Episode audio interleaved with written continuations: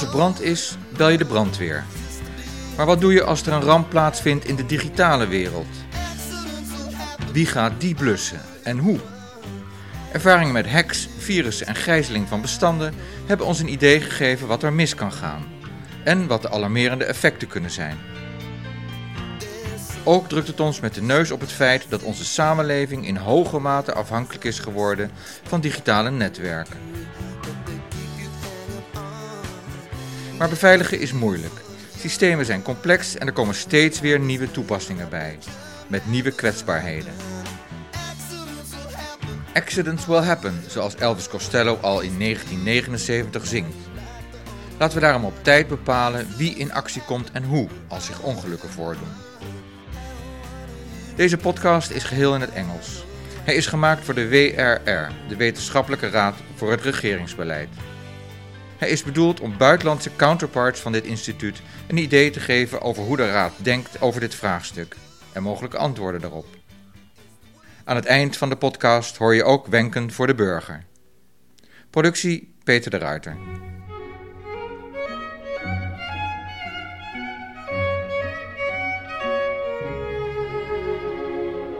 In 1912, the Titanic went down while the orchestra played this song.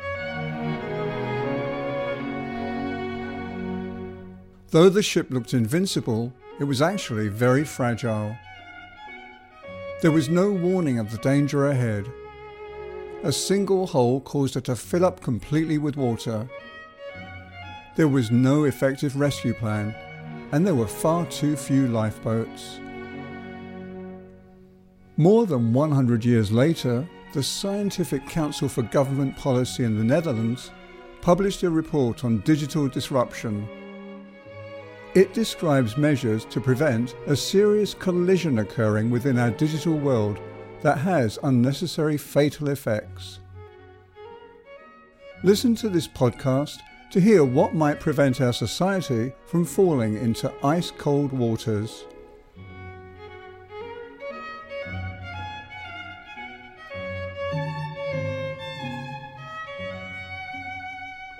We define disruption as a situation in which the continuity of society is at stake. Unlike the more physical disasters and disruptions mankind has experienced so far, digital disruption is not visible, nor is it local. Incidents can happen at the speed of light on a large scale, with devastating effects. Digital disruption could also mean, or at least have an effect on democracy, on trust in democracy. Even though we do not exactly know what to expect, a quick response is essential. An incident can be disruptive when you are not prepared to deal with the consequences. In its report on digital disruption, the Council wants to prepare the country for the unknown unknown. Because if there is one common denominator in digital incidents that have hit us in the past decades, it is that we only knew what hit us when the incident had already happened. So, how can we prepare? The future is unknown but not empty, meaning that you do have means to at least find your way in the unknown. And you have to look for those means. You are listening to the voice of Corien Prins, Chair of the Council, and you also heard Erik Schrijvers, Senior Researcher. Together, they are responsible for the explorations that have taken place to find out which methods we can use to be ready when lightning strikes. Well, ultimately, we cannot prepare for 100%, but we can prepare in at least introducing measures that allow us to look and be aware and search for the unknowns. The way of thinking about cybersecurity is still a bit old fashioned. So we think about securing individual buildings, individual organizations. When uh, an incident happens, it's always about networks of organizations. It's about change. It's about uh, different countries being hit at the same time. Almost all major incidents were incidents that had to do with uh, problems with the supply chains. So this is, for example, with the NotPetya attack, with WannaCry. In June 2017, several organizations in the Ukraine were attacked with malware called NotPetya. The malware took over control of several servers and computers, and from there, it reached out to other computers it could invade in the Ukraine and elsewhere in the world. Information was held hostage and could be released by paying a ransom. The entrance and spread of the malware was possible due to vulnerabilities in regular Microsoft software. NotPetya was similar to WannaCry, a worldwide cyber attack a few months earlier. Reportedly, NotPetya caused damages estimated at $10 billion. Among those affected were the shipping company Maersk Line, FedEx, Mondelez, and Saint Gobain, a French construction giant. In our report, we formulate a few typical characteristics of this new type of disruption. Networks change being one of them, another one being the interaction between the digital world and the physical world. During the NotPetya attack in 2017, operations of the shipping company Maersk Line came to a standstill worldwide, including Rotterdam. The whole company worldwide had to writing out things, writing out orders by, by hand, and all the containers piled up in the in the harbors. You, you got traffic jams. The municipality of Rotterdam wanted to know what was going on, but didn't get the information from, from Maersk about the incident. The municipality didn't get access at first instance at Maersk. Well, imagine a firefighter stands at the port, aiming to address the fire. Imagine that as a company you say to the firefighter, no access. This raises questions about authority. Who is responsible to combat the disaster and who is allowed to enter the scene? When a fire brigade is called to put out a fire, the procedures are clear. In case of a digital accident, roles of the involved parties have to be redefined. In order to facilitate a quick response, this is better done beforehand. We do see that governments, for example, in addressing this problem, highly depend on the private sector. Uh, a Dutch uh, government organization being attacked is highly dependent on, for example, a cloud provider or Microsoft or a major private company across the border. So it also becomes a matter of both the public sector and the private sector working together, as well as national countries working together, cross border. To avoid lengthy discussions in the aftermath of an incident when time is money, new legislation has to be drawn on a national and on a European level. And of course, we do see that there is a difference between entering a gate in the physical world and entering a system with data, confidential data. But that then needs to be addressed in the legislation, uh, confidentiality, etc. And it also provides companies with a certain level of security what the government is allowed and not allowed to do when entering a system. Society has become dependent on a limited number of major providers of infrastructure. This puts a lot of power in just a few hands and also heightens the fragility of systems. If only a small piece of software is corrupted, it spreads worldwide instantly, like a virus. Take, for instance, the example of SolarWinds. During 2020, Russian hackers were able to infiltrate the software of SolarWinds, a company that is used by all divisions of the US Army, the White House, 425 of the Fortune 500 companies, all five of the top five accounting firms, and hundreds of universities and colleges. Hackers slipped into a software update of Orion, a network management product from SolarWinds. Users who downloaded and installed the corrupted update unwittingly gave hackers access to their networks. 18,000 networks were infiltrated, sensitive data was stolen, and many services were compromised. The IT company SolarWinds has 300,000 customers around the world. Referring to this massive hack, Microsoft President Brad Smith warned of a global digital 9 11 if governments and companies do not take the right measures against these possibly disruptive threats. It also has to do with perception. We had a local level major disruption in the eastern part of the Netherlands um, uh, at the end of uh, last year, Hof van Twente. For those living in, in that area, this was a major disruption. Public facilities were no longer available. It appears that it will take months to reconstruct the digital world there. People expect from the government that the government acts we put our faith and trust in the government to address this type of uh, situations. The Council advises the Dutch government to act on four levels preparedness, detection, mitigation, and recovery and reconstruction. These four stages are well known in the world of crisis preparation, uh, in the world of firefighters. So preparedness means that you have an overview of, of the companies with whom you, on a digital level, are connected.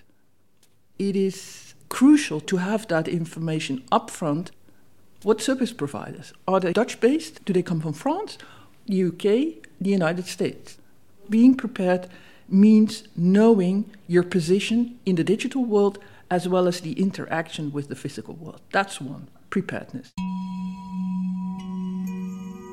Detection is also very important. Detection still takes very much time. For example, the European uh, agency, uh, cyber agency ENISA says it takes an average of six months to detect a cyber breach. Um, so, so, this is an average, of course, but it takes a lot of time to discover. So this this needs to be improved with with major incidents, for example, the the, the SolarWinds, um, most of the time the intruders are inside the network already for months. But still, um, the defense against hackers is a lot more difficult than attacking an organization because, as a defense, you need to defend the whole network. And an attacker needs just one little problem or one little vulnerability to get in. The most important means to, to improve um, uh, detection is to share information. We need to share information about incidents, but also about the whole context in which organizations operate and, uh, and the digital service providers they are dependent um, uh, of. Mitigation means that you know when to put the server down and when not, and under what circumstances. Because if the server is down, are we still able to do it by hand, the old fashioned way? Or do we have sufficient knowledge on how to do it the old fashioned way? Having the professional capacity to do it the old fashioned way is, for certain vital processes, crucial we have to have a backup facility, and one of the crucial backup facilities is just old fashioned human based intervention. To be connected or not to be connected? It seems practical to connect all systems to the internet, but this might be dangerous, as is illustrated by the case of DigiNotar.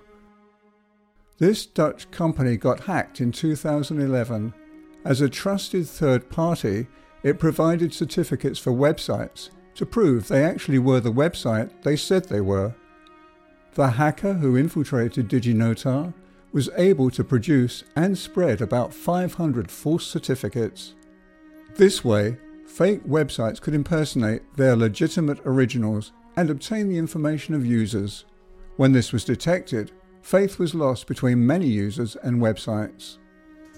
Crucial information exchange with and between websites of the Dutch government became unreliable, endangering processes like customs clearing, banking transactions, and surcharges.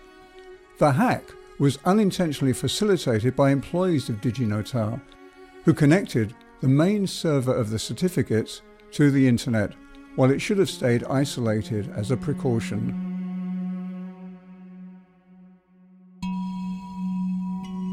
So, the final stage, recovery and reconstruction, we have two key recommendations here. One of them being um, recovery and reconstruction also means that you have to learn from your mistakes. I mean, prevent them from happening again. And that means that you have to evaluate and that you have to learn lessons. At this point in time, we have a very good instrument that facilitates us in learning lessons, and that is the data breach notification um, in our European legislation. So, data breach notification means that data breaches are reported to the supervisory bodies. But what we saw, at least what we saw in the Netherlands, is that they're reported, uh, they're listed there, but we do not combine them. We do not, or at least insufficiently, uh, learn lessons from them. What do they show? What do these data breaches show us in the type of actors, the type of vulnerabilities, the type of connectedness? I mean, digital means are a key instrument in geopolitical conflicts. Second point here is insurance. What you need as a society is go on. But in going on, you need money. Um, you need to rebuild. Um, and insurance could be a help. Uh, and of course, we do see that it is quite difficult for insurance companies to get grip on how much damage, what are the risks here, what, how much money is involved here. Government uh, should step in and should at least uh, discuss and explore whether there should be or could be some sort of fund that allows uh, for some sort of certainty, a certainty for insurance companies. The question then, of course, is should the insurance company provide coverage based on a certain policy? With attacks like WannaCry, NotPetya, the argument of insurance companies is more and more this is what we exclude because this is war related. The current corona pandemic has shown that nowadays we depend heavily on digital infrastructures. Had corona struck 20 years earlier, society would have been injured a lot more. No serious digital incidents happened in the past year, but we came close and we are still not on safe grounds. What if WannaCry happened during this crisis? What if the Citrix problems happened during this crisis? In the final days of 2019, the Dutch National Cybersecurity Centre was informed about certain vulnerabilities in a software called Citrix. Citrix is a program that is used to connect people who work from home or elsewhere with their offices. Dozens of cities in the Netherlands, among them Amsterdam and Rotterdam, disconnected after being advised so, as did members of parliament. Several universities and National Airport Schiphol followed. The possible leaks were discovered after cyber attacks on a university and a medium sized city.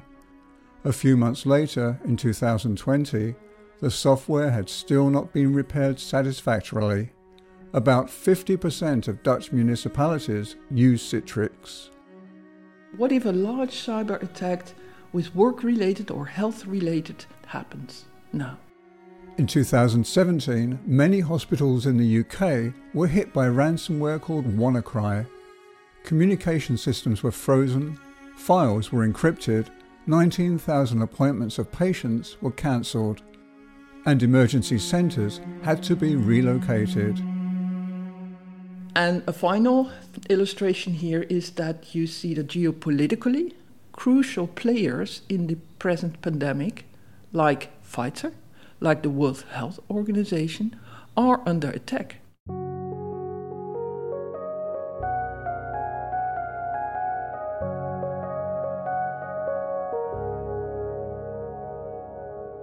Many measures should be taken by government and organisations, but are there precautions ordinary citizens can take to arm themselves against cyber incidents?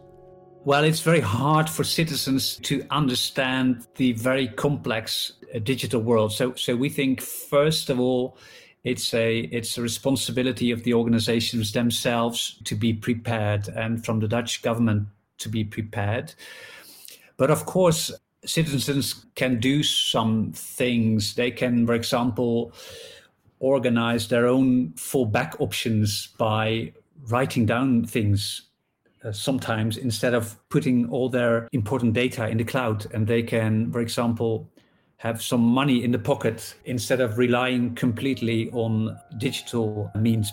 But these are small measures compared to the measures we propose to prepare for digital disruption. Installing antivirus software is wise, and so is a healthy distrust concerning unsolicited digital messages because private computers can be used for large scale attacks. So be aware of your responsibility. Although you are tiny, although you don't have influence on the larger picture, but as with a fire, it starts simple. When the fire comes to a certain intenseness as an individual, I can no longer address the fire. I need the firefighter. But when it's still small, in my computer, at least I can try to do something. So be, be aware that you are a tiny part of that large chain, but sometimes a crucial part. And what applies to the individual applies to every greater constellation. Our report is not about prevention, the report is about it happened. And from that moment on, are you prepared? So, what will happen with this report in the Netherlands? Well, so far the Dutch government has informed Parliament that it will carry out a number of the recommendations. In their turn, Parliament urged the Cabinet to map out a plan of the interdependence of the Netherlands in the digital world, as this was recommended in the report on digital disruption.